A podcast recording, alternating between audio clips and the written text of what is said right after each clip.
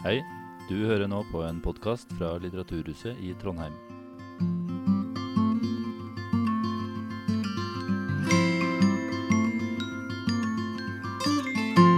Because we have an international guest in the panel, uh, I will switch to English uh, back and forth. Uh, it will mostly be in Norwegian, but uh, we will try to open up a bit in English.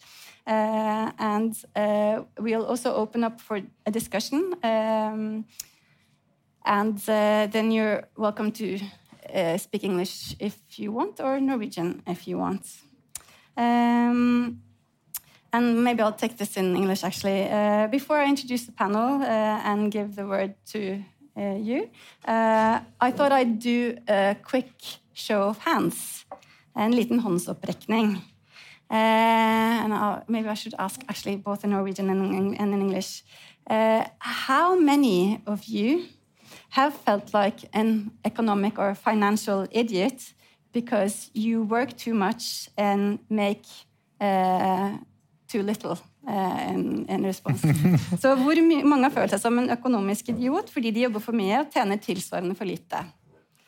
Ja. Ganske mange. Ja. Uh, ja, nei, generelt. Noen gang noensinne i livet. Ja. Uh, hvor mange har noen gang vurdert å forlate frilanslivet? How many have ever uh, considered leaving freelance life? and uh, how many actually did get either a full-time job uh, or a part-time job. Uh, yeah, yeah. So that's the situation in this room, at least. Uh, so you can see, Mari, uh, you're not alone. Uh, in the panel, uh, we have Mari Mokrisinska, uh, who's actually, uh, or now I have to switch to Norwegian, sorry, who, som er kvinnen bak det ganske spissa sitatet som vi har tatt utgangspunkt i i kveld. Nemlig 'Jeg kan ikke være idiot heller, jeg må betale regningene mine'. Men dette annonserte hun exit fra å arbeide som selvstendig aktør i scenekunsten, og satte et ansikt på en opplevelse som da veldig mange av oss har kjent på. Eh, og så har vi med oss Hans Ole Rian, eh, som er forbundsleder i Creo, Forbundet for kunst og kultur. Eh, som under pandemien har vært ekstra høyt oppe på barrikadene for kulturlivet. Og I Aftenposten så beskyldte han bl.a. regjeringen, altså den daværende regjeringen for å bøye seg for storkapitalen når Da forsvant han. Når kulturlivet ble helt stengt ned, men dispensasjoner ble gitt til andre næringer. Og så, and then um, we also, uh, to put the discussion in a more international uh, or at least European perspective, uh, we are so lucky to have Sandro Tajuri uh, with us. Uh, he's now currently working at Trøndelag Theater as a composer for the production Parsifal, right. which will premiere in April. Yes, on the 2nd of April. Se 2nd of April, yeah. so very soon. So we're extra lucky to have you here. Yeah. Um, Thanks for having me. yeah. So before we start the discussion, uh, I asked uh, uh, you all to come with a little bit of uh, like situation uh, description, uh, and. Um, Uh, let's start with Mari. Uh, Mari has uh, I, I, have to switch back to Norwegian again. hun har vært det hun selv kaller en scenekunstpotet. som jeg også har kalt meg selv. Tror det er mange som føler det sånn. og, og vært produsent med base i Trøndelag utdannet skuespiller og har i tillegg en master i teatervitenskap fra NTNU. Eh, hun har drevet Krystinska teaterproduksjon siden 2005. Vært skuespiller, daglig leder i flere scenekunstkompanier i det frie feltet. Eh, og virket som produsent for flere frigrupper her i Trøndelag. Blant annet en av dem som sitter her på første rad. Ibrahim Faslik. Um, og har vært uh, sceneinstruktør, uh, leder for Propellen teater, uh, daglig leder for Kunstverkstedet Loksdalen, i tillegg til de andre tingene du har drevet med. men nå har du også fått en 100% fast jobb på Havet, som er et nytt utested slash saunahus slash kulturarena i Trondheim. Så kan du beskrive situasjonen som du liksom, har befunnet deg i, og som du ikke er alene om å være i? Eh, som også har gjort at du liksom, offentlig eh, tok ut skilsmisse fra feltet? Ja. Um, for det Ja. Uh, jeg forstår jo at det kanskje ikke er sånn superinteressant at jeg tar ut skilsmisse fra feltet. Uh, og det var ikke meninga at den uh, Ja, jeg visste ikke at det skulle være den vinklinga. Men jeg valgte jo å, å gå med på å svare på forespørselen fra Adressa fordi at jeg vet at det er mange i samme situasjon. Det er mange som er på sånn vippen nå, og har vært det det siste året, kanskje, som, jeg, som jeg snakker med, som sier sånn Jeg ser etter ting. Det her går ikke. Det går ikke. Um, så Og det vi Det konversasjonen går i, er ofte at uh, den her, uh, vet dere helt sikkert alt sammen. Um, selve administrasjonen, produsentrollen uh, og alt det medfører, det medfører ganske mye, er nesten alltid en gratisjobb. Uh, hvis den er dekt, så er den dekt uh, symbolsk, og det fører til at de fleste scenekunstnere velger å gjøre den jobben sjøl. Det har vi jo mange eksempler på her i Trøndelag. At, at kompanier er alt. Eh, de kunstnerne som, er, eh, som har kompanier, løser hele produsentrollen, er sin egen regnskapsfører etc., etc., markedsfører helt, helt sjøl. Eh, på fritida. I tillegg til å gjøre det de sjølsagt er der for å gjøre, og produsere en forestilling, produksjon. Hvis man får eh, Ja, som produsent så har jeg jo gått inn eh, i utrolig mange ulike produksjoner. Det er veldig ofte altså Det er jo masse forskjellige måter å løse det på, men eh, det fører jo til at jeg bare tar eh, utrolig mange parallelle jobber, og føler at man ikke gjør noen ting ordentlig. Som i dag har jeg vært på fire forskjellige jobber fire forskjellige helt, helt, separate jobber i dag. Og det er ikke ideelt for eh, det jeg jobber med, det er ikke ideelt for meg. Men det må jeg gjøre for å ha nok penger. Eh, ja. Eh, så det føler jeg er situasjonen for de fleste. At det står ikke på jobbene. Mm. Det er ikke det at det ikke produseres eh, eh, ting, og ikke det at det ikke blir solgt og sånn, men denne, denne biten av jobben dekkes ikke eh, i stor nok grad av de støtteordningene. Eh, jobber alltid med produksjoner som får god støtte, det er ikke det, men denne biten blir ikke dekt. Eh, I hvert fall ikke i stor nok grad. Eh, og det er et problem. Mm. I, fri, I, det frie feltet. Mm. Ja, takk. Eh, vi kan komme tilbake til eh, disse tingene, men jeg tenkte jeg skulle gå videre. Eh, til Hans Ole Rian, eh, som har vært forbundsleder i Creo siden 2013. Eh, og, men selv har bakgrunnen fra kulturfeltet, som bl.a. kulturskolelærer i, i Leksvik. Eh, kulturskolelærer er jo også en sånn type jobb som mange har ved siden av ti andre ting. ikke sant? Ja. Eh, og han har også vært leder for Musikernes Fellesorganisasjon i Trøndelag. Eh, Ryan har hovedfag i musikk fra Universitetet i Trondheim eh, og kulturadministrasjon fra Høgskolen Telemark. Eh, og var leder for Kulturskoleutvalget, som leverte rapport i 2010. Og dagens tema er et tema du kjenner godt. Og du rakk så at du også rakk opp hånda i stad. Så, så, du har også følt deg som en idiot på et tidspunkt i karrieren. Eh, men jeg tenkte da eh, Nå er jeg litt sånn usikker på om du hører meg, for nå ser vi ikke bildet. Jeg, du hører? Jeg hører deg. Ja, hører du meg, så har vi ja. jo oppretta kontakt her. Ja, flott. Eh, bare bildet som forsvinner, faller litt ut iblant. Nei, eh, tenkte jeg, jeg, kunne spørre deg da om å, å komme med en litt sånn overordnet situasjonsbeskrivelse eh, eh, for kunstnere og frilansere i kunst- og kulturfeltet. Eh, etter ja, to år med pandemi og nedstenging? Ja, hva skal man si? Uh, ingen, ingen, trodde at dette skulle ta to år. Jeg husker vi snakka om det i, i, mars 2020, at uh, dette var kanskje over til påske.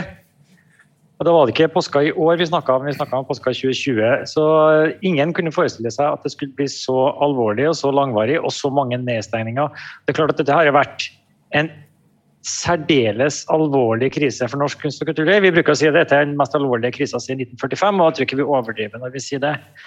Eh, vi har, eh, vi har fulgt, eh, fulgt, denne krisa gjennom hele denne pandemien og bidratt med å sikre inntekter, bl.a. med denne inntektssikringa for selvstendig næringsdrivende frilansere. Men når vi skal se på effektene så deler vi jo det som eh, Mari sier her, at eh, det er de utøvende kunstnerne primært som har blitt eh, truffet hardest. Det sier også disse rapportene som Kulturrådet har fått utarbeida. Den siste kom på nyåret nå. Utøvende kunstnere har den største nedgangen i inntekt mens noen av de andre kunstnergruppene som ikke er så avhengige av å samle folk, som våre folk er, de har ikke blitt så hardt ramma. Billedkunstnere f.eks. har greid seg rimelig godt. Eh, men så er det av de utøvende kunstnerne, så er det da igjen de unge som har blitt desidert hardest ramma. Nyutdanna og nye i feltet. Og, og grunnen til det er jo mange. Det er jo selvfølgelig at de ikke hadde noe Eh, inntektsgrunnlag å regne ut uh, inntektskompensasjon for. Så når du ikke har noe grunnlag, så får du heller ikke noe penger. Uh, de har ikke kommet i gang med karrieren. Skulle ha starte på karrieren nå, etablere, etablere relasjoner, komme seg ut på festivaler og turneer og begynt, begynt, sitt kunstneriske virke. Det har de ikke fått det. De har heller ikke noe vederlagsinntekter. Ikke det, det, det inntektene andre musikere får ved at de blir spilt på, på TV radio en, eh, en, grei inntekt for mange. Der har de ikke kommet ennå. Og I tillegg så forsvant jo de brødjobbene som mange av dem hadde. For Mange av dem tok jo deltidsjobber i eh, serveringsbransjen, hotellbransjen. Den var jo også stengt ned. Så de ble ramma på alle mulige måter samtidig. Kom ekstremt dårlig ut. Og mange av oss er jo bekymra for den generasjonen der de to årene med, med kunstnere som vi kanskje mister store deler av. Vi vet også at det er i den der populasjonen at det er flest som eh, har meldt inn at de eh, sterkt, eh, sterkt vurderer å gå ut av kulturbransjen og heller gjøre noe helt annet. Og det skjønner jeg egentlig ganske godt, når starten på kunstnerlivet ble såpass bratt. Mm. Det er uansett ikke særlig enkelt å være kunstner. Det er mye jobb og lite inntekt, som du Mari sier. Og når du i tillegg får en så elendig start på karrieren, så er det ikke rart at mange, mange er på vei ut. Det er en annen, annen, bekymring som jeg også har. at uh, Hva vil dette gjøre med den sosiale rekrutteringa til kulturbransjen? Vi vet allerede nå at i spesielt noen kunstnergrupper så er det litt mye overvekt av uh, la oss kalle det hvit middelklasse fra Fogner. Fordi at de har et eh, sikkerhetsnett i bånn som gjør det kanskje noe enklere å gå inn på en kunstnerkarriere. Men nå, når vi ser at det er også ikke bare til vanlig økonomisk eh, vanskelig å gå i gang med en kunstnerkarriere, men du kan også bli truffet av en sånn, eh, en sånn alvorlig nedstengning som det her, så vil jeg tro at det er flere der det økonomiske grunnlaget er litt lavt, som kanskje nå vegrer seg for å gå inn i kunstneryrkene. Da får vi en enda større skjevhet inn i kunstnerpopulasjonen, og det, det, det bekymrer meg. Fra runda der foreløpig, så kan vi jo snakke om uh, veien videre, eventuelle forbedringer som vi jobber med sammen med storting og regjering etter hvert. Det er vel du som styrer Er det ikke det, Ine? Ja, det skal vi nok komme tilbake til. Um, So um, one of the things that uh, Hans Ole is pointing to is that there is a, a flight, particularly among young people, uh, that uh, almost give up before they start uh, because it's they don't have anything to fall back on and, and haven't really earned like social rights um, or any kind of um, vederlag. What's that in English? Um, cop like copyright uh, oh, income, yeah. right? Yeah. So um, I'll introduce you properly because um, we're very lucky to have, like I said, someone uh, from outside of Norway. Um, uh, Sandro Tajuri is a German composer working mainly in the performing arts field. Uh, he was, though, educated as an actor uh, and has worked at the Theater Basel for several years before he started to work as a freelancer, uh, working in cities like Basel, Zurich, and Munich. Uh, in 2015, he established a theater company, Teater Farm, uh, together with uh, his colleagues. Um, a company that's funded actually through collaborations with state theaters as well as uh, applying for public grants. Um, and with a strong background in music, uh, you started composing music uh, or you had been composing throughout your career, but now you've kind of moved over into uh, composing more uh, or on a full time um, composing scores. So um, maybe you could fill us in a bit about the situation in Germany during the pandemic for freelancers in particular. Do you have this similar post pandemic flight from the field? Uh, well, I guess yes, because um, the the main problem uh, we, we, were just talking about before is that um, that you have you're kind of in a in a constant loop, so that the uh, the theaters uh, you're working with, uh, where you could actually work as a freelancer or uh, make productions, has been shut down, of course, because of the pandemics. no audiences were allowed, and lots of places are going down right now. So uh, and there there are some places that are not opening up again. Mm. So it's kind of uh, for at least a few theater groups I know, it's kind of hard hard to get back into that game to find places where to produce. Um, um, it is possible to to write grants or to apply for grants and to get the grant. Uh, and to, to produce, but uh, the hardest thing is to find a place where you can actually do this. And um, I got lucky with my uh, group, with my theater group, because we, uh, the works we've done so far were all collaborations with state theaters. So it was partly funded by the theater and partly funded by the grants we applied for. Um, yeah, so far, this is what I can say about my my experience, at least for the last two years with my theater group.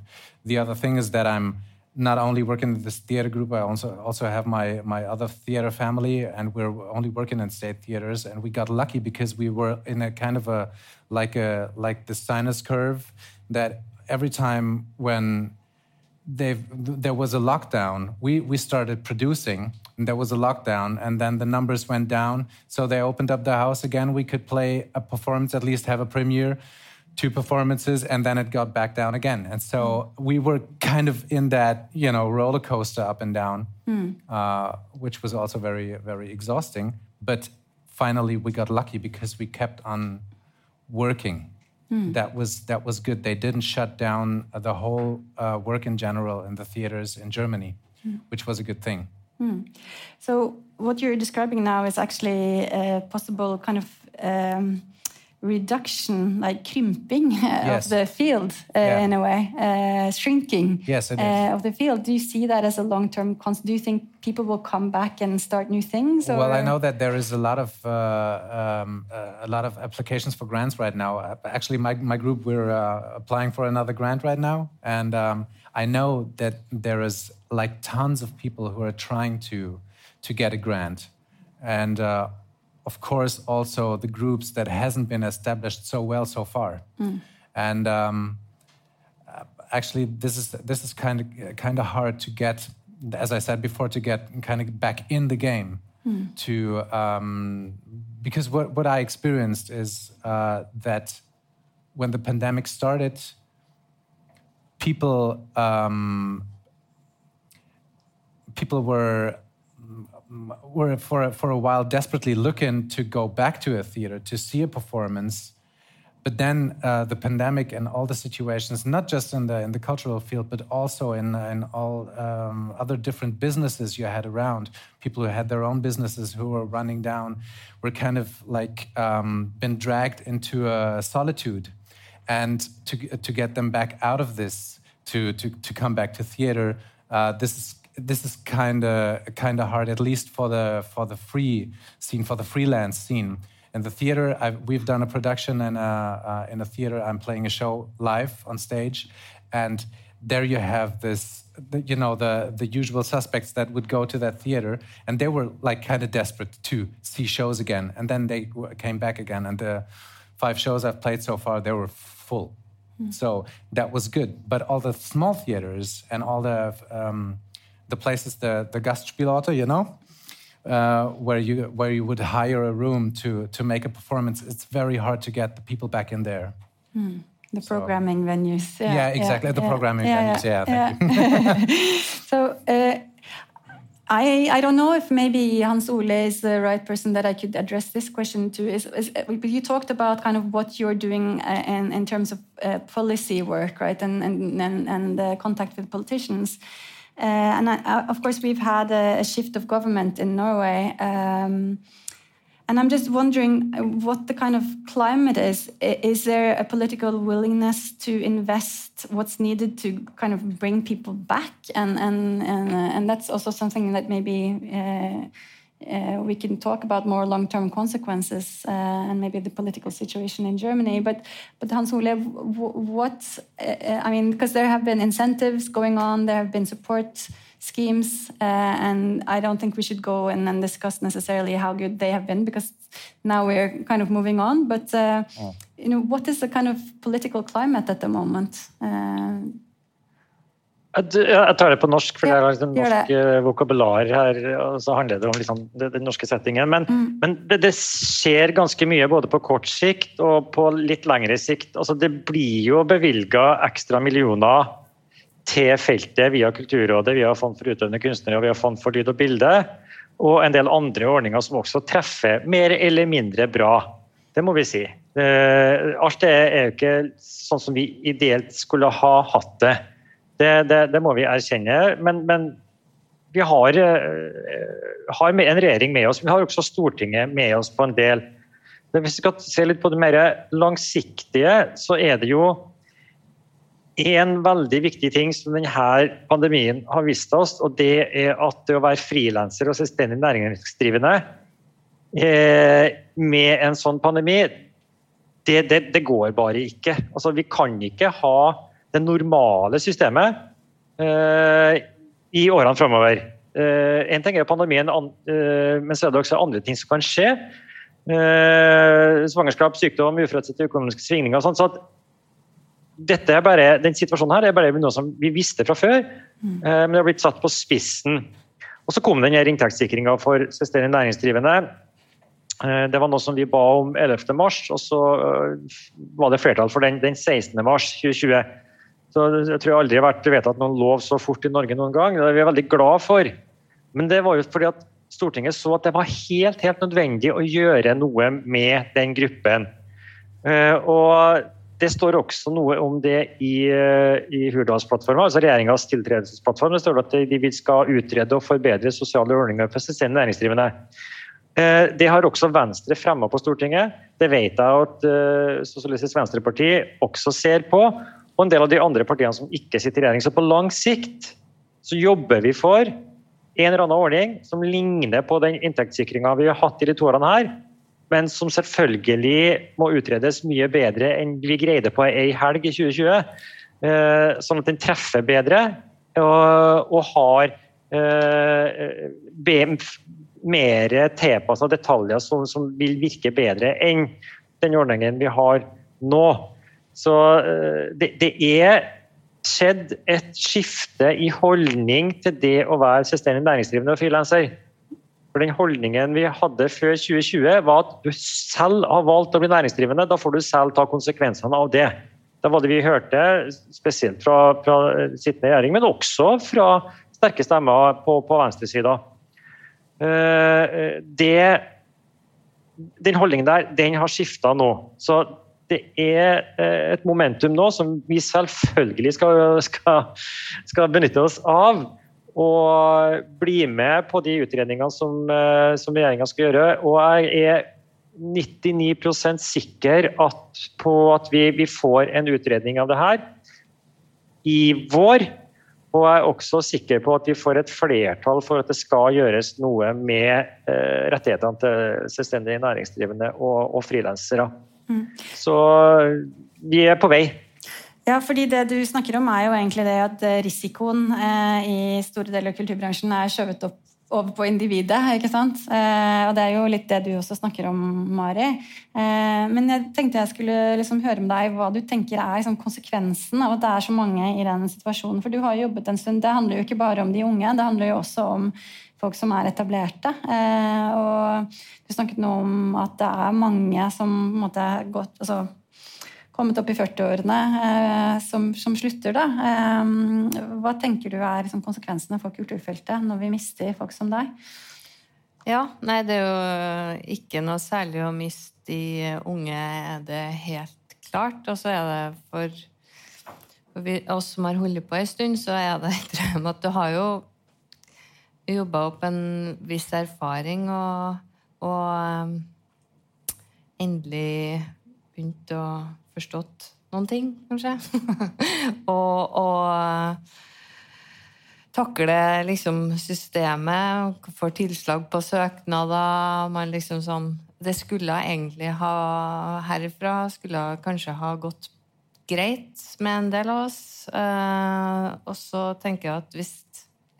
Det er også det at uh, vi ofte har en slags veiledende funksjon nå for mange som kommer etter oss, som vi jobber med. Jeg jobber masse med unge uh, unge scenekunstnere og hjelper masse til med forståelse av budsjett og søknadsskriving og alskens.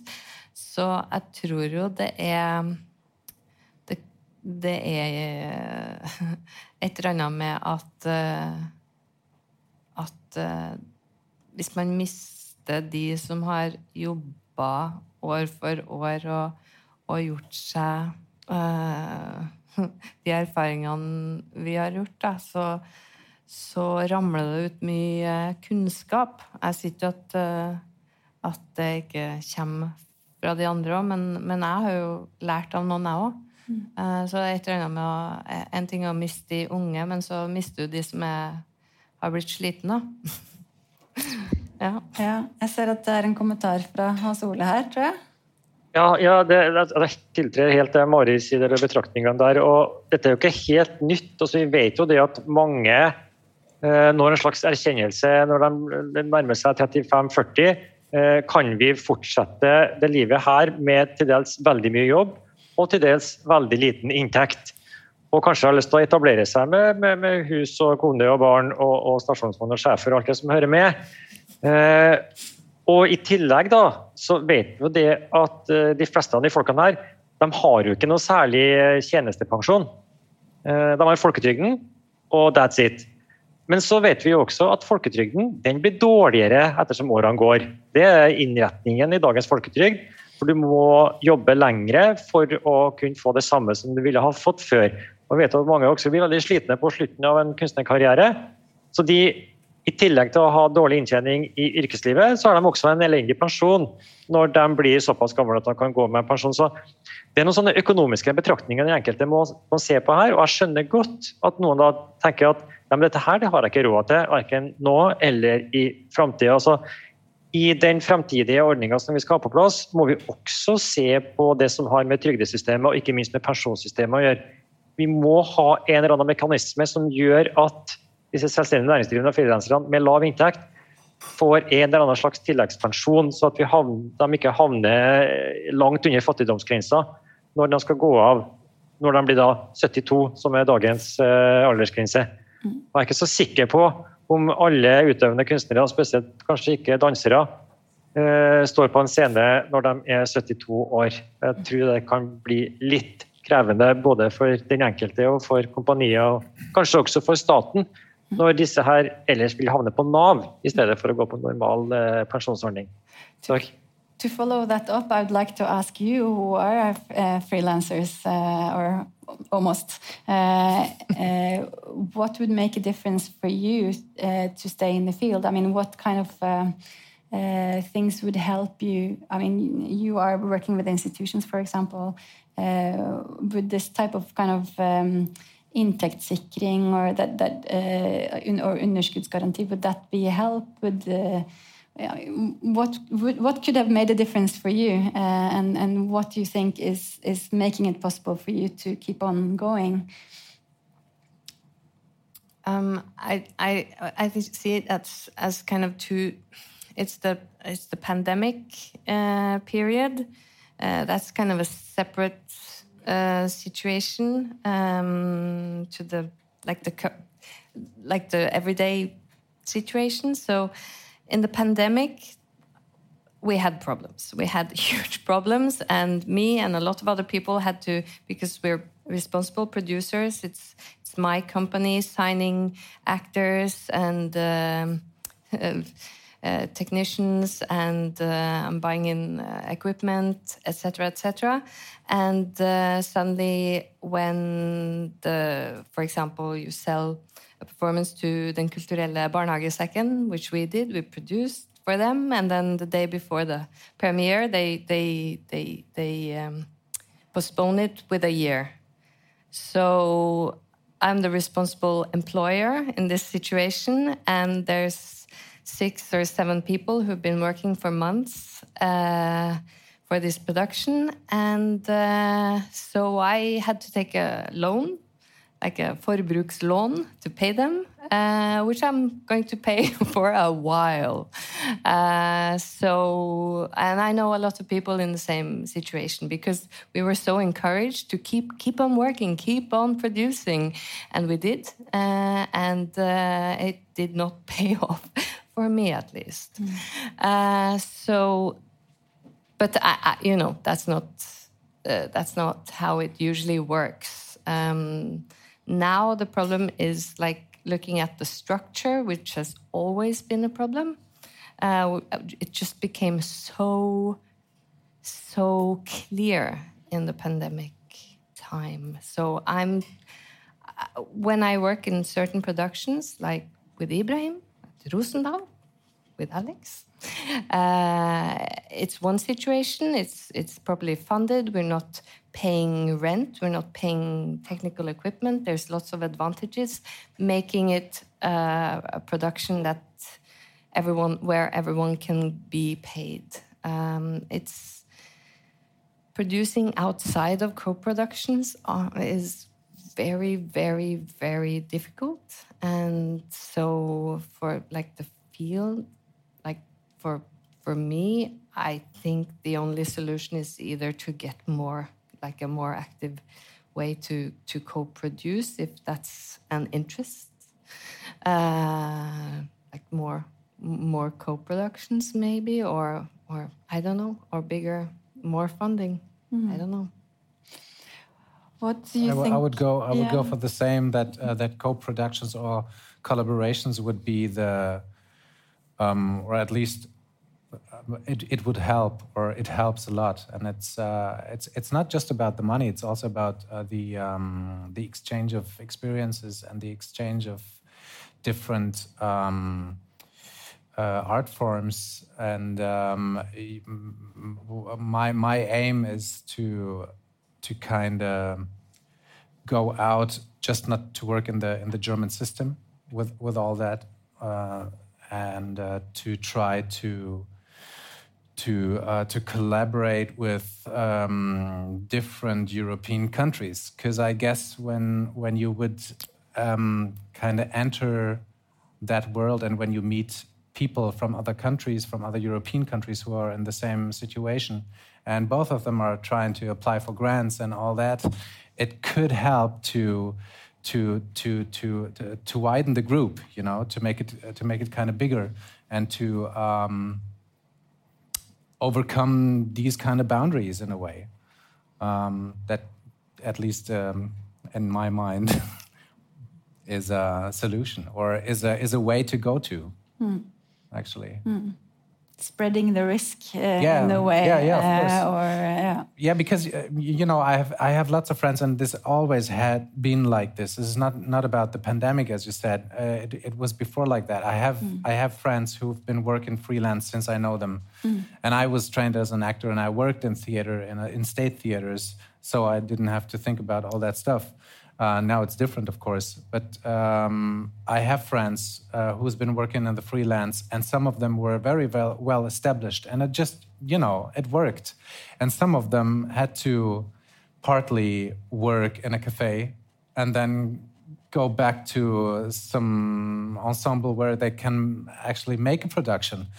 uh, a freelance production, and then they have to go back to uh, to work in the cafe again. So it's you have this this um, how would you say um, wide spectrum. yeah wide spectrum exactly of yeah. uh, of uh, um, uh, existences in, in in that in that field. Uh, so. Um, But Yeah. do- does it have to do? I mean, this is for all of you, actually. I mean, uh, there's a lot of culture being produced, uh, and and the institutions are very dependent on freelancers, and that kind of goes for the whole society. Uh, so, I mean, in health work, you have people who are working part time, for example. Uh, in at building sites, you have people that who are uh, and this is actually something that I came to think about particularly because you sent me some documents, uh, Hans Ole. I mean, in building sites, you have people who are forced into doing, uh, making their own companies, and that's kind of the reality in in the performing arts as well. You have to organize as an independent contractor in a way. Uh, but are we you know uh, too willing to say yes to like working uh, and and and have we kind of in the field gotten so used to like producing all the time that uh, and all the audience have expectations of all these choices i mean is is it how can we kind of uh, get back to a more normal situation uh, hans ole your hand is up Ja, vi kan, kan si litt om dette med det med å være oppdragstaker og arbeidstaker. Og det, det her må vi ha flere tanker i hodet på en gang. For det er sånn at Noen vil alltid måtte eller ville være selvstendig næringsdrivende. og ganske naturlig måte å være tilknyttet arbeidslivet på for en god del, også kunstnere. Kan jeg ikke se for meg at uh, Fride Aanvik og Jan Eggum skal være ansatt noe sted når de drar på turné. Det, det tror jeg ikke er ingen som ønsker. Men det vi har sett, spesielt de siste 20 åra, at veldig mange kunstnere, kulturarbeidere, de opplever at de ikke får arbeidsoppdraget uten å må ta det i egen næring. Og, og I mange av de situasjonene her så er det egentlig snakk om noe som er uekte, det er påtvunget. Og Hvis man da krever å være lønnsmottaker ansettes i, i, i stedet, så risikerer man selvfølgelig at oppdraget den går til noe annet. Og, og vet alle hva, nedsida med å være selvstendig næringsdrivende. Så, så det vi har jobba for i noen år, spesielt mot, eh, mot venstresida, som vi anser er større sannsynlighet for å få gjennomslag for det, er å, å, å stramme inn arbeidsgiverbegrepet, arbeidsgiveransvaret i arbeidsmiljøloven. Sånn at det er den som bestemmer hvordan arbeidet skal utføres, de har rettigheter og plikter som arbeidsgiver. og Da må vi endre noen bestemmelser i arbeidsmiljøloven. Og da kan du enten være fast ansatt, det tror jeg ikke er så veldig, veldig relevant for så mange av oss, men det er en åpning for midlertidig ansettelse for kunstnere i arbeidsmiljøloven sånn som den ligger i dag. Og Det er typisk de som drar på turné med Kulturell skolesekken, de som er engasjert ved privatteatrene, som i Folketeatret, eh, Chateau Neuf, eh, NRK, andre medier, der du har typisk et band som sitter og gjør en jobb over en lengre eller kortere tidsperiode. Eh, Vi mener at de skal være arbeidstakere i stedet for oppdragstakere. Og vi mener at det er til stor fordel for den enkelte, men også en stor fordel for, for samfunnet som helhet. Da du får folk over i en mer sikker måte å være tilknyttet arbeidsgiver. Og har sikrere rettigheter når du blir syk, når du får eh, barn, eh, når du skal ha trygd, når du skal ha pensjon. Så Det er noe som vi jobber for nå, og det ligger også inne i regjeringsplattformen. Det har regjeringa faktisk lova å gjøre noe med. De er egentlig allerede i gang med den jobben. Men husk på, vi må ha flere tanker i hodet på en gang. Noen vil vi ha over på arbeidsoppdrag som arbeidstaker. Noen skal fremdeles være selvstendig næringsdrivende, og dem må vi også sikre bedre rammebetingelser for. Sånn som vi eh, har fått inn en, eh, en bestemmelse i, eh, i regjeringsplattformen på, som vi skal jobbe med. Takk. So, uh, Mari and Sandro, you just started leading a cultural institution and you collaborate with large uh, scale uh, institutions. Uh, what's the institution's responsibility, do you think, towards the freelancers that they employ? And what will be your kind of, what will you take care of when you work with freelancers? Uh, Do you have any, you know, when you're on the other side of the table, will you be able to um, you know think about these things Well, the thing is, you know, I've, I've been on that side of the table a few times as well.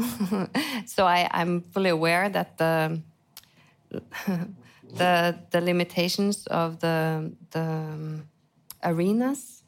Uh, but I think at least a collaboration, like being being able to sit down and collaborate on applications together with with artists, so that you know, like for for my, I, I've had some experience with that before, and that's been that's been um, very uh, helpful. That you know we meet with the with the group who's coming, and then we'll we'll do an application together. And there are certain certain ways to get like um, like gjesteoppholdsstøtte, for example, which is a very good uh, way to finance just the production side, uh, which both can gain the artist and the arena to you know to look for those opportunities uh, uh, and to make at least because I, I always work in not like I, I've never worked in a theater institution per se. So just to make colleagues aware the cost because most people don't understand the cost of producing scenic arts. Uh, they are, you know, it's very expensive. and uh, yes, exactly. so uh, so most arenas are run by people not from this business and they have very different expectations of and and and kind of think that that uh, production can be made in a week for example. So they don't understand like paying the people for such a long time uh, and all the you know different people that are involved. So it's also like kind of making people aware this is what it costs. So we have to kind of try to to solve this situation together. Mm. yeah, awareness yeah. is a uh, is a very good word for that. Uh, awareness of uh, uh, what it means to to to produce by yourself, what it means to to hire people, what it uh, what what can you make a living off, and um, I guess it's more of uh, I'm I'm always I'm always kind of I don't know a little disappointed by by the German government uh, when it comes to the funding of uh, arts in general, because um, um, the the money uh, the money that that is uh, that is spent into into that fund is very very little, and uh, but the need is so big, and uh, there are so many people working in that field. And that is kind of like you know the the scale is not right mm. and um, i guess what helps and you just said it before is uh, is awareness is to spread the word is to talk about these things mm. and to uh, really point out what it means to make a production mm. and um, yeah hmm. i guess that's it yeah but are we selling us maybe sometimes short maybe and and you know are we good enough at negotiating uh, uh, I mean, and, and Hans Ole, I mean, what are the, is it actually possible for artists to or cultural workers to go on strike, for example? Or would that just mean that it's okay, then it's just on to the next young person? I mean, what are our options? Uh, I see you nodding. hva tror du? Altså, hva er de liksom politiske liksom, Hva er mulighetsrommet da, uh, for kunstfeltet og kunstnere og frilansere? Jeg driver jo en, en fagforening, en klassisk fagforening i LO-familien. og Da er det noe som heter forhandlingsstyrke. Det er klart at Vi i Creo er ikke den gruppa som har størst forhandlingsstyrke. Vi kan ikke ramme livs, altså, kritiske samfunnsfunksjoner. Vi kan, kan ikke stenge ned oljeproduksjonen på Nordsjøen. Eh, vi kan ikke stenge heisene. Altså, heismontørenes forening de har forhandlingsstyrke. Vi, vi, hva, hva, skjer hvis vi stenger alle scenene i Norge? Ikke så mye. Folk blir lei seg. Folk blir skuffet. Men vi, vi rammer ikke samfunnet. Vi stenger ikke ned samfunnet pga. det. Så vi har ikke den samme forordningsstyrken. Vi må kjempe på andre områder. Vi må kjempe bl.a. med å være solidariske med hverandre, ikke underby hverandre når vi tar oppdrag. Det er et kjempeproblem at uh, noen tar spilleoppdrag, sceneoppdrag lavere enn det som burde vært normen. Så Der må vi jobbe. og vi har jo, Det er sikkert ikke helt uh, innenfor konkurranselovgivninga, men vi har en del anbefalte satser som vi har uh, innført på en del områder. Det har vært krevende. Uh, noen syns de er for høye, noen syns de er for lave, men vi har prøvd å regne ut på, en, på et visst balansepunkt. Det begynner å virke. Folk henviser til dem. De legges til grunn i, i søknadsbehandling rundt omkring i fond. Eh, festivaler, i hvert fall de som er noenlunde seriøse, legger dem til grunn som en slags minstesats. Men det er en evig kamp. Vi kan aldri gi oss på det. Det kommer stadig nye kunstnere inn i feltet. De nyutdanna de må læres opp. Eh, de må læres opp mens de er student, sånn at de ikke tar spillejobber, artistjobber, scenejobber mens de er student under det som er profesjonelt honorar eh, slash lønn. Det er også en evigvarende jobb som vi hele tida må jobbe med. og Det må vi gjøre sammen. Vi må lære opp oss sjøl at vi skal ta rimelig og fornuftig betalt. Og Det kan jo ikke stole på at andre gjør for oss. Vi kan ikke gå til regjeringa og si at dere må sørge for at vi eh, tar eh, fornuftig honorar. Det må vi gjøre sjøl. Eh, det er jo derfor folk samler seg i interesseorganisasjoner og fagforeninger også, for å ta kampen sammen og være solidarisk. Eh, men så er det et annet aspekt der. Dess flere vi får inn på arbeidstaker, arbeidsgiverforhold, altså at du får lønn, dess flere får vi over på tariffavtaler. Og når vi har en tariffavtale, så har du andre mekanismer for å kunne sette makt på kravene, fremforhandle kollektivt og kanskje også stå sterkere sammen. Så Det er jo ikke uten grunn at det er i de kunstnersjangrene der folk har fast arbeid, fast lønn, 100 ansettelse, at lønna, inntekten, er høyest. Det, det er ikke til å legge skjul på at det er i orkestersektoren med 100% ansatte musikere at lønnsnivået er høyest. For de har vært fast ansatt siden før krigen en gang. Og de har kjempa kampene solidarisk hele tida. Det har ikke vært lett der heller. Det vet vi som har drevet og forhandla på vegne av dem. Men tross alt, der har vi lyktes med å holde et lønnsnivå som ikke er fryktelig høyt, men i hvert fall ganske mye høyere enn de fleste andre kunstnergruppene har hatt. Så fast ansettelse, eller også til nød midlertidig ansettelse, er et pressmiddel i å heve inntektssida for, eh, for kunstnerne. Takk. Ja.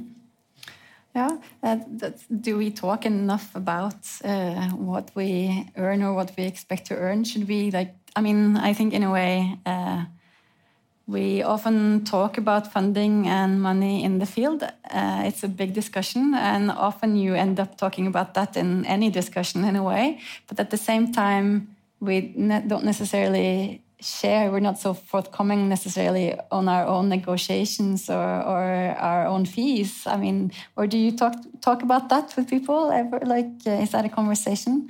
Um, I do that. You do that, yeah. yes because I um, I think this is very important. It's not about because I I want to at least this is my personal uh, feeling to this. Um, I I'm I'm trying to avoid this kind of uh, weird competition of uh, being um, to envy someone who might earn more than I do and we never talk about this and uh, but i don't know mm. what he earns or she earns and you know and this is like this that, that shit drives you crazy mm. and um, so i'm very open about this mm.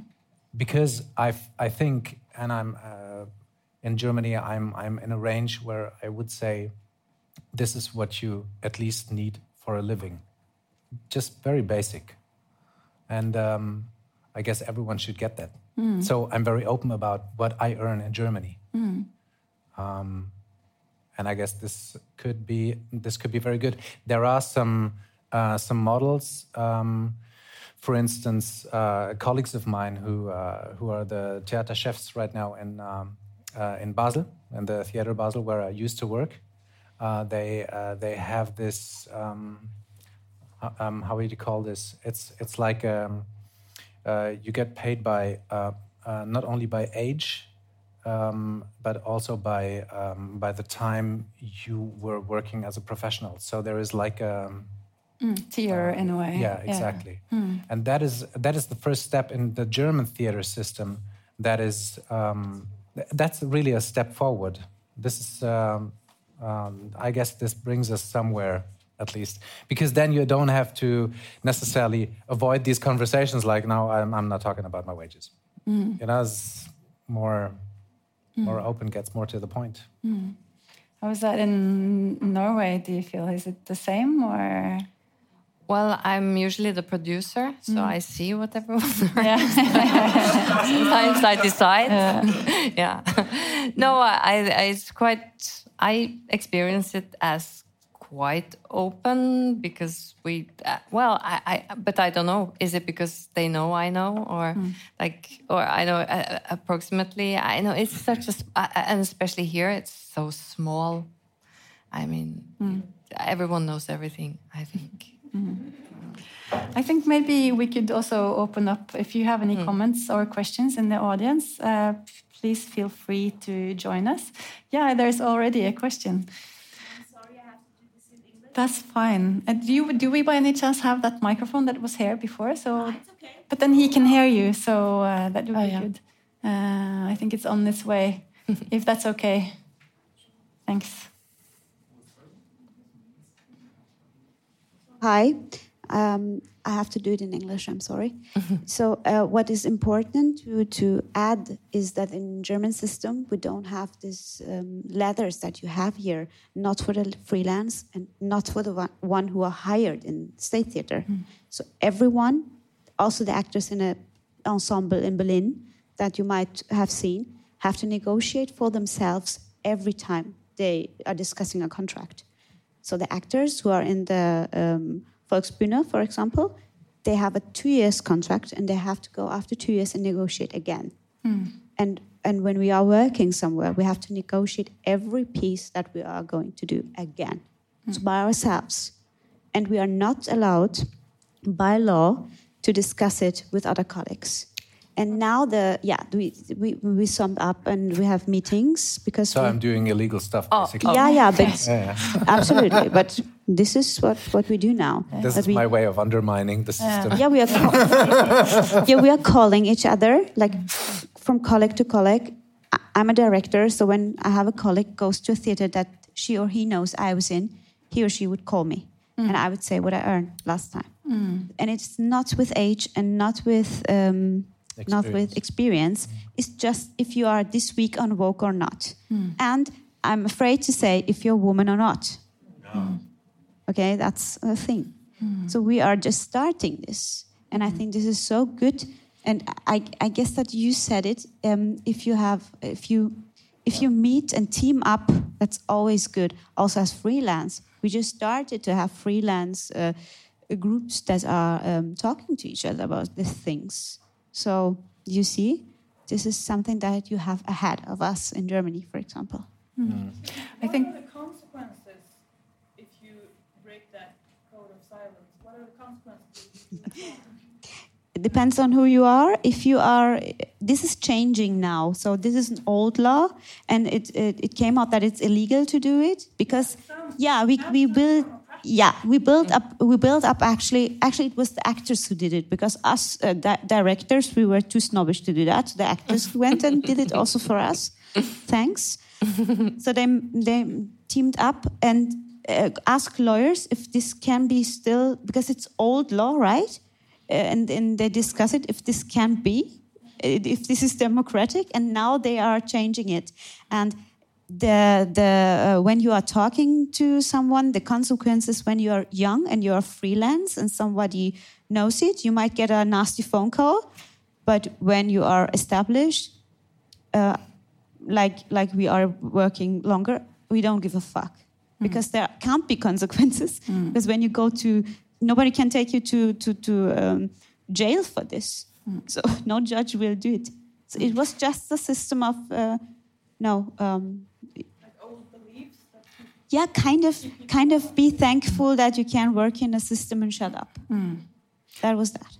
Thank you for that. It's interesting to, uh, yeah, and it's bullshit. Sounds very. I think we have a uh, maybe a comment from Hans Ole. Uh, Yes, uh, there is a saying among us unionists. Uh, it goes like this Alone you beg, together you bargain. Yeah, Eh, men det-. Eh, Men så er dette med kollektive forhandlinger for selvstendig næringsdrivende. Noen får oversette, for dette eh, jeg er ikke sikker på de engelske uttrykkene her. Men det finnes et EU-direktiv som sier at det skal være mulig også for selvstendig næringsdrivende å forhandle kollektivt mot en oppdragsgiver. Det er et direktiv som ikke er implementert i norsk rett ennå, i EØS-avtalen, men det er selvfølgelig implementert i alle EU-land. Så det skal ikke være ulovlig gitt noen forutsetninger å forhandle f.eks. ved et teater eller en CD i Europa hvis du er selvstendig næringsdrivende, og går sammen i en, en fagforening og gjøre det. Så det, det, det, det skjer ting også der. Takk.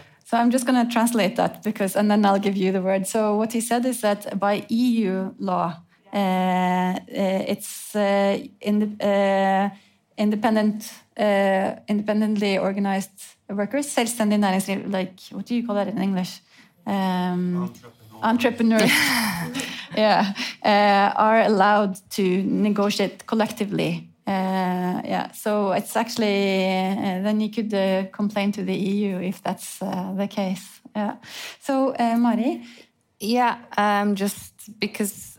Uh, so in this case, we're kind of discussing um, the institutions hiring freelancers and entrepreneurs.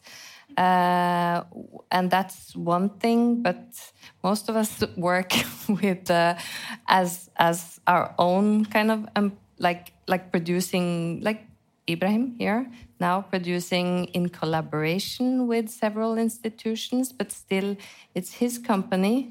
He's the employer, so uh, or or some I I run a company, so the the the if I go to Ibrahim with everyone working with him now and say we want more money, uh, that would just you know uh, bring that production to a halt and would stop. And uh, and most of us are in that kind of situation. We're working for uh, an equal, equally small uh, company, so uh, which you know simply doesn't have the financial muscle to handle our demands. Maybe I'm not. I'm get, I'm getting you know money from Ibrahim. Don't worry, but uh, but um, it's it's a different thing when you're negotiating with an institution and when you're in, negotiating with a small company making one production per year and you know the financial flow is yeah, and then it's also it's project money, so it's Yeah. actually set. You don't have any leeway. So Exactly. you applied for funding, and then you know if there are unexpected costs, then what Yeah. do you do? Yeah. It comes out of your own pocket. yeah So uh, is that the replique? And then I see Alexander's hand. Is can you wait? Yeah. Okay. Um, Yeah, it's, it's very short. Um, yeah, something that's been occurring to me as I as I listen is is one thing is about getting a fair pay for uh, the work you do, but it's also there's a another issue which is that certain work isn't recognised as work, and so it seems that it's possible uh, to do it properly in Norway. You can do it well in production. Uh, the question is, what about the work that's outside of the production, and how do you establish platforms that uh, can seek financing for that work? And I think there are in other countries models out there, um, like in Belgium, for example, you can have uh, platforms that are there. They're called like research and support platforms. And in reality, what they are is production agencies. They are there to be uh, where you get a collective of producers working with different artists to support them pre-production because once your production is floated if it's been budgeted properly then it will do the work it's supposed to do. But what about the work before the production and the work after the production? So one thing is about fair pay but the other is maybe that there's some there's some gaps in the funding system recognizing certain aspects of work which we now need to maybe start to name more precisely start talking about and um, and, and lobby to get some of these platforms floated Yeah, watch out for a report that's being published by the Arts Council uh, this spring, which addresses that exactly. Uh, it's Ibrahim, and then it's Christopher. Uh, Um, I just want to point out that uh, to be in a position where you can negotiate your uh, salary is already like there is, of course, in our our budgets as well, It's some room to, of course, negotiate some things, but but this room is very narrow and very claustrophobic uh, financial room. But I just want to um, just share my tactics of applying for funding for a production. So the, the main source of funding is the Arts Council, and they stopped cutting uh, what you apply for. But they, they will cut if they don't see a diverse plan of, of uh, your, uh, the sources of your, of your uh, finances. So if they see like, okay, there's five places that he can still apply to that he hasn't applied to, then we can prioritize some other artist and cut some amount, uh, part of the the thing that he applies for, and then prioritize some other artist. But these other sources, they always um, grant less than you apply for. They can they they they cut like radical cuts in what you apply for. So my tactic now, when I put uh, like a, a application budget, is uh, the Arts Council, of course, the biggest, and then all of the other small ones, I just blow them out of proportions. I kind of triple them, and then these budgets they look they look silly, they look crazy.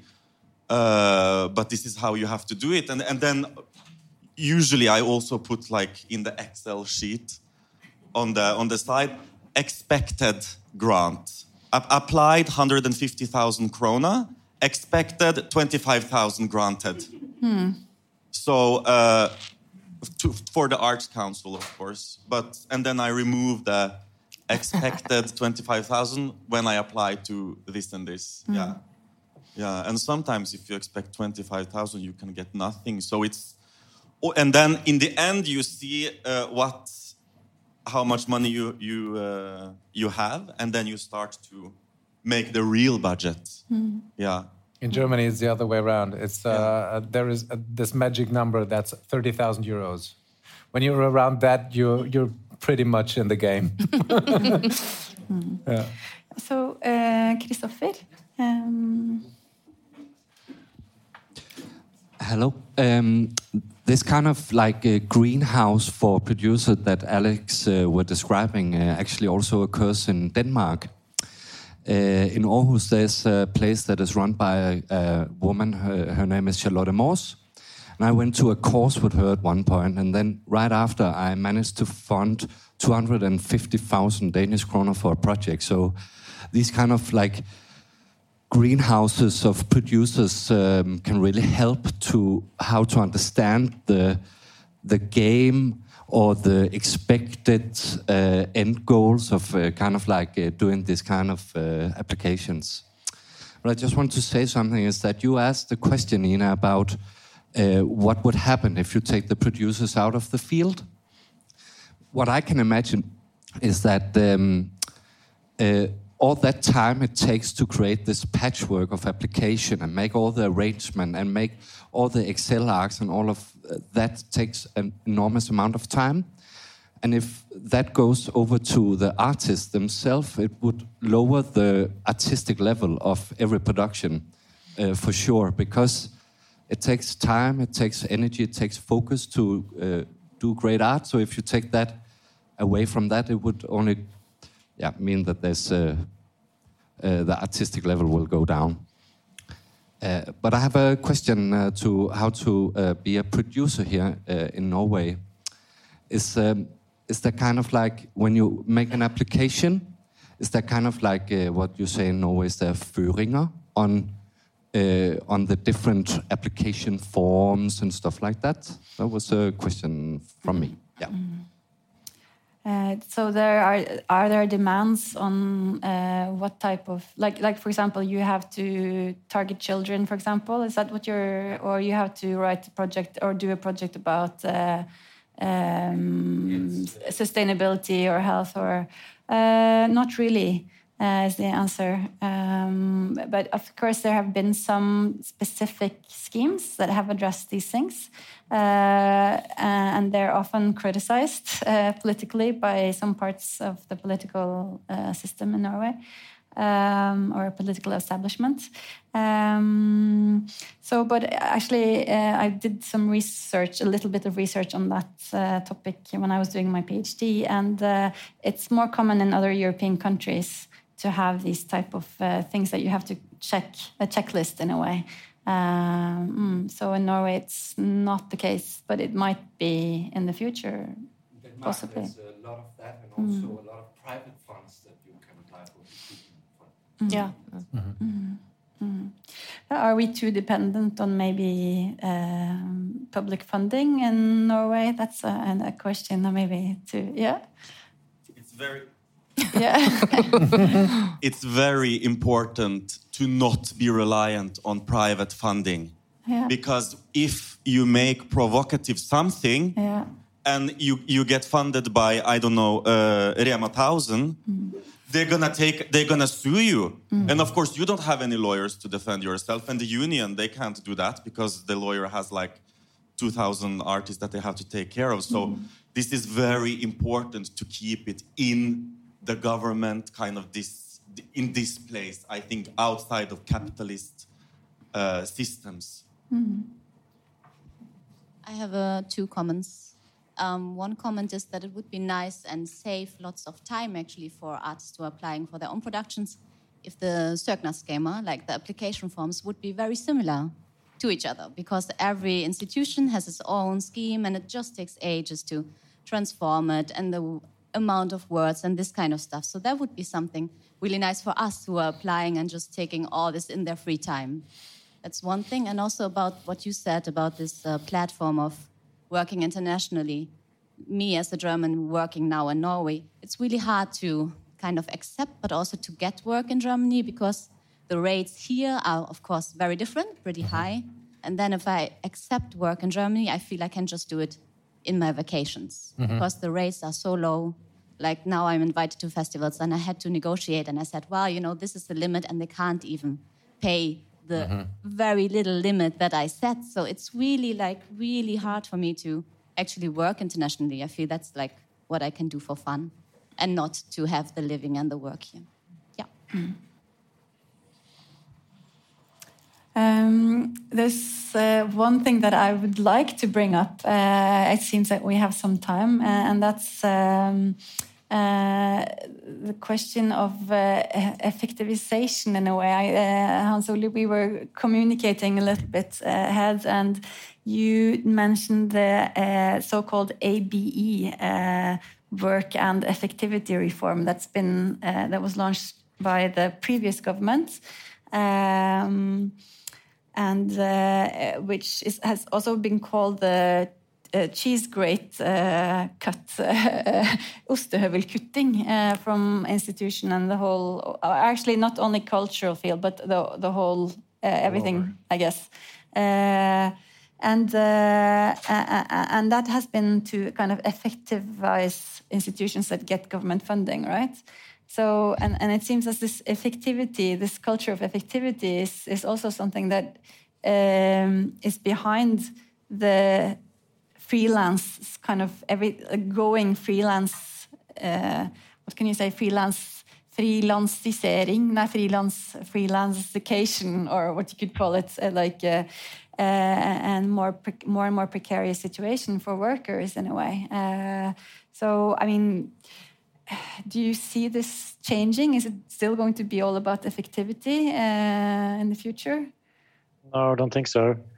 Uh, this ABE, uh, ABE, avbyråkratiserings- og effektiviseringsreformen, som er mye større i Eidsbergsbygger enn The, The Cultural Life, det, det omfatter jo også helsevesenet, alle offentlige institusjoner, alle departement, alle etater underliggende, Kulturrådet, Utdanningsdirektoratet, og alle fikk jo disse ostehøvelkuttene, som du sa. Det er det som blir, blir benevnt som. Og dette var jo noe som forrige regjering innførte som et av sine første tiltak, med argumentasjonen om at dette var for å kunne effektivisere offentlig sektor. Og Det kan godt hende at det er deler av offentlig sektor som behøvde en effektivisering. Men måten de gjorde det på, var jo bare å kutte jevnt over overalt. 0,5% 0,7% Så det var jo veldig lite målrettet, og det var en del av de største kritikerne mot den reformen der. En annen ting som vi kritiserte, var jo at dette skulle jo i utgangspunktet være de offentlige institusjonene som skulle bli rammet av det. Men de fleste kulturinstitusjonene er jo ikke offentlige institusjoner. De er offentlig finansierte institusjoner. De er eh, stiftelser eller AS-er på utsiden av det offisielle myndighetsapparatet. De burde egentlig ikke vært med. Så har sittende regjering lovet å fjerne dette kuttet. Det ble ikke gjort nå eh, i statsbudsjettet for 2022. Eh, og forklaringa vi har fått på det, er at det rett og slett ble for liten tid til å gjøre det teknisk. For det, da måtte det gjøres så mange endringer på så mange poster i så mange departement at regjeringa rett og slett ikke rakk å gjøre alle de nødvendige tekniske endringene for å fjerne ABE-reformen. Det kommer helt sikkert på 2023-budsjettet.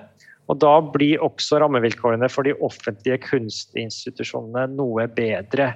Det kan også få da, eh, følger for alle de institusjonene som, som eh, engasjerer frie, frie kunstnergrupper, frie teatergrupper, frie scenekunstgrupper inn på sine institusjoner.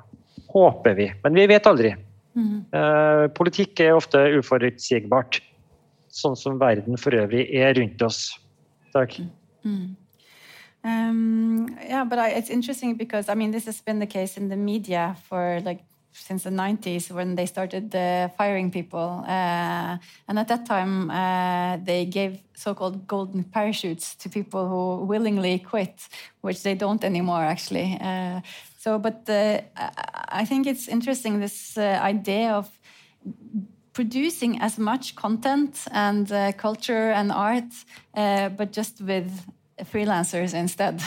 and I, I, it's kind of this endemic, it's uh, kind of this expectation that uh, everyone should just like hustle and go on and just be ambitious and and and I mean, is there something in our own kind of have we accepted too easily this type of hustle culture do you think? That we should just you know go on and make art and no matter what? Uh, what do you think about that? I mean is it uh...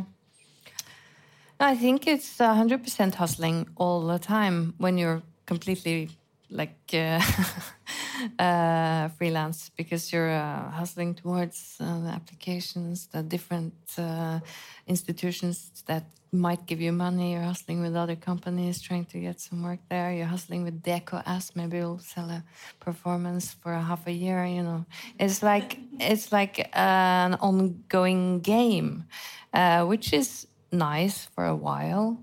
but all of this hustling is, as we've mentioned, unpaid. Uh, so uh, so it's um, you have a limit to uh, how long you can do it, and uh, it's also like uh, it's maybe exciting at first, and yeah, maybe maybe it is kind of nice for a while, and maybe we have been too um, too willing to accept uh, this kind of situation, and you know pretending to be in a, some kind of a Hollywood movie, uh, thinking that somewhere down the line there's going to be like a huge payoff, but that won't really won't come in this field ever. I'm sorry, everyone. the the big payoff is quite um, not. It's not coming. I think. Yeah, Alexander. Uh, yeah, and th this uh, idea of the big payoff, but it means I, I, was just thinking about it from the other point of view of the um, the society and the institutions, and it. One thing is about individuals and the the suffering or the or the the, the pain that can come from a field that's too heavily reliant on the uh, hustle. Uh, but the other thing is, what do we lose, or who do we lose uh, from the the the, the community, the art communities that we're a part of, if we are too heavily reliant upon the hustle, because it's the ones that can afford to hustle the longest that will still be here in the end. And the ones that can't afford it are the ones that either don't at all or at some point have no choice but to uh, stop. And so the ones that really, not in every case, but in many cases, the ones that will last out are the ones that never needed the big payoff, actually. Not in all cases, of course. Some, some will hustle and need a big payoff and they will get it. But, um, but, but most that survive are the ones that never needed the big payoff in the first place because somewhere else they got that payoff from.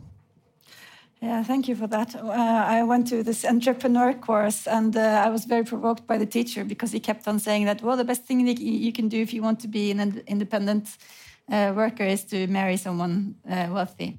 So, uh, yeah. uh, yeah, so it's kind of along the same lines.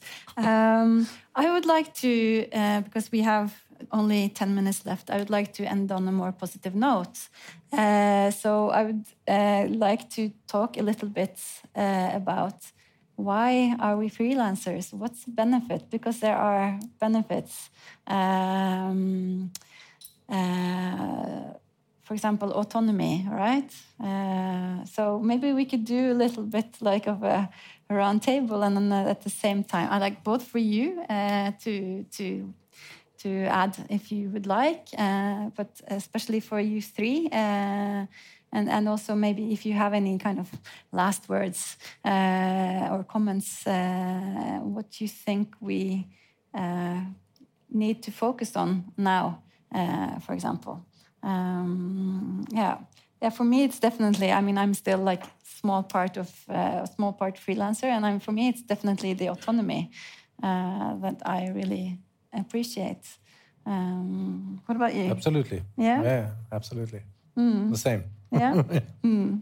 What about you, Mari? I also like to work in different places all the time with new people all the time, and I, you know, it's uh, it's kind of a nightmare to be stuck in one place doing this, you know, meeting the same people. I, you know, no one in particular, you know, but uh, it's this.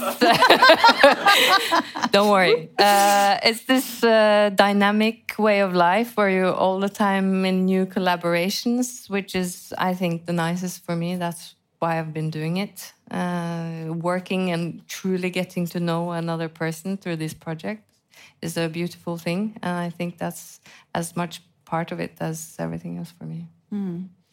So Hans Ole, uh, if you don't want to talk about yourself, then um, the benefits of uh, freelancers, perhaps. Yes, I was also self-employed once back in the old days. It was a free life. You could pursue your own artistic career, your own artistic life, your own projects. You can work with different persons on a different projects.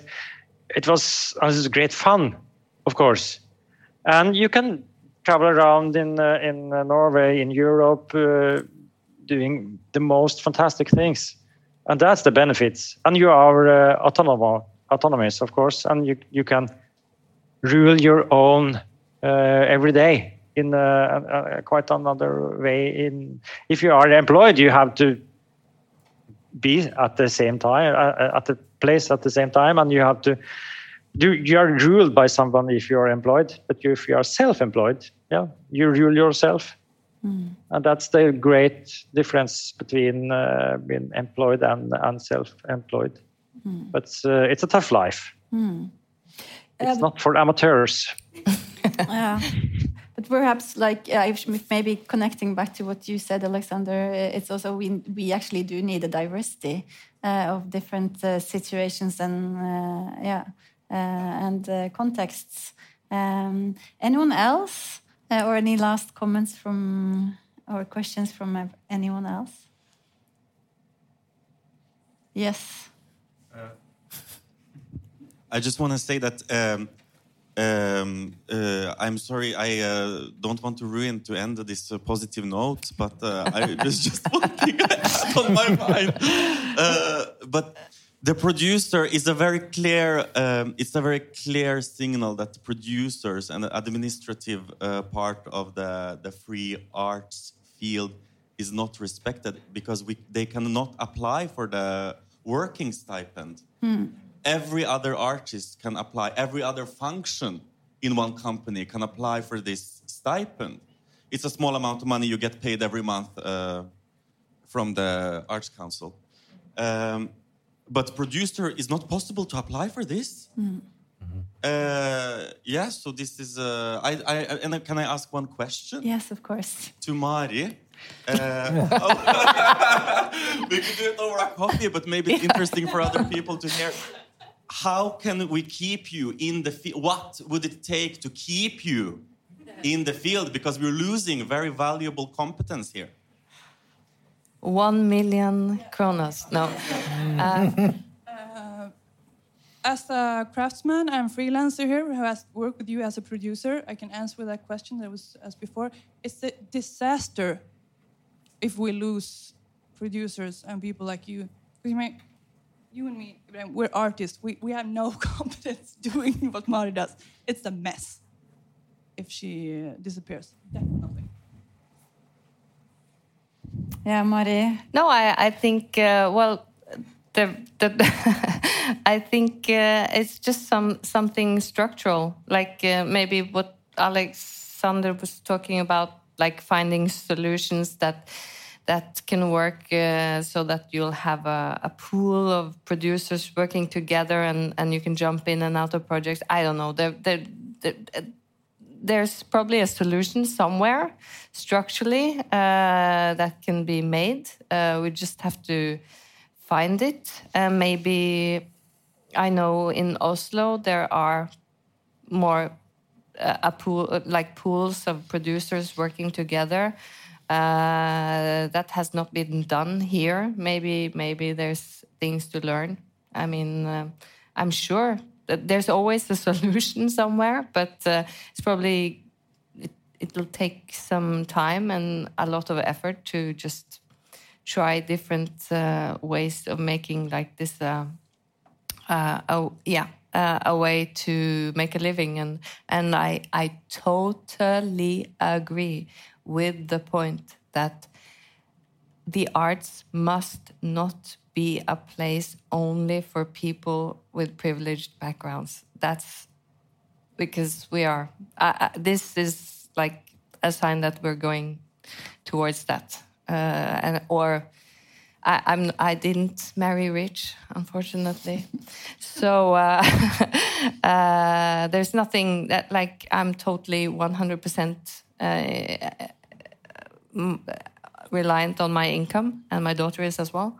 So uh, so there has to be, yeah, uh, for people like uh, me uh, or people with less than me, and there are many. Uh, we need to have more stability, and then we can get a diverse and and well functioning art community. Which is actually what you know the poli- politicians want us Yes. to have. Uh, that is a political signal. So um, I think that's a, a kind of good summing up, uh, or, or or at least a, also a good ending point. Um, and uh, I think also tonight there have been some also um, suggestions and strategies that we individually can take as well uh, and you know things to think about getting organized for example collectively uh, bargaining instead of uh, individually begging uh, i'm going to remember that quote uh, so thank you so much to Sandro, Mari, and Hans Ole for joining us. Um, and thank you to all of you. Uh, next uh, theater talk is going to be in May, probably, and it will probably be dealing with a representation. So, actually, there's a good link. Um, and uh, go to see uh, Parsifal. Uh, yeah, and uh, have a good evening. And thanks for coming, all of you, and thanks for contributing.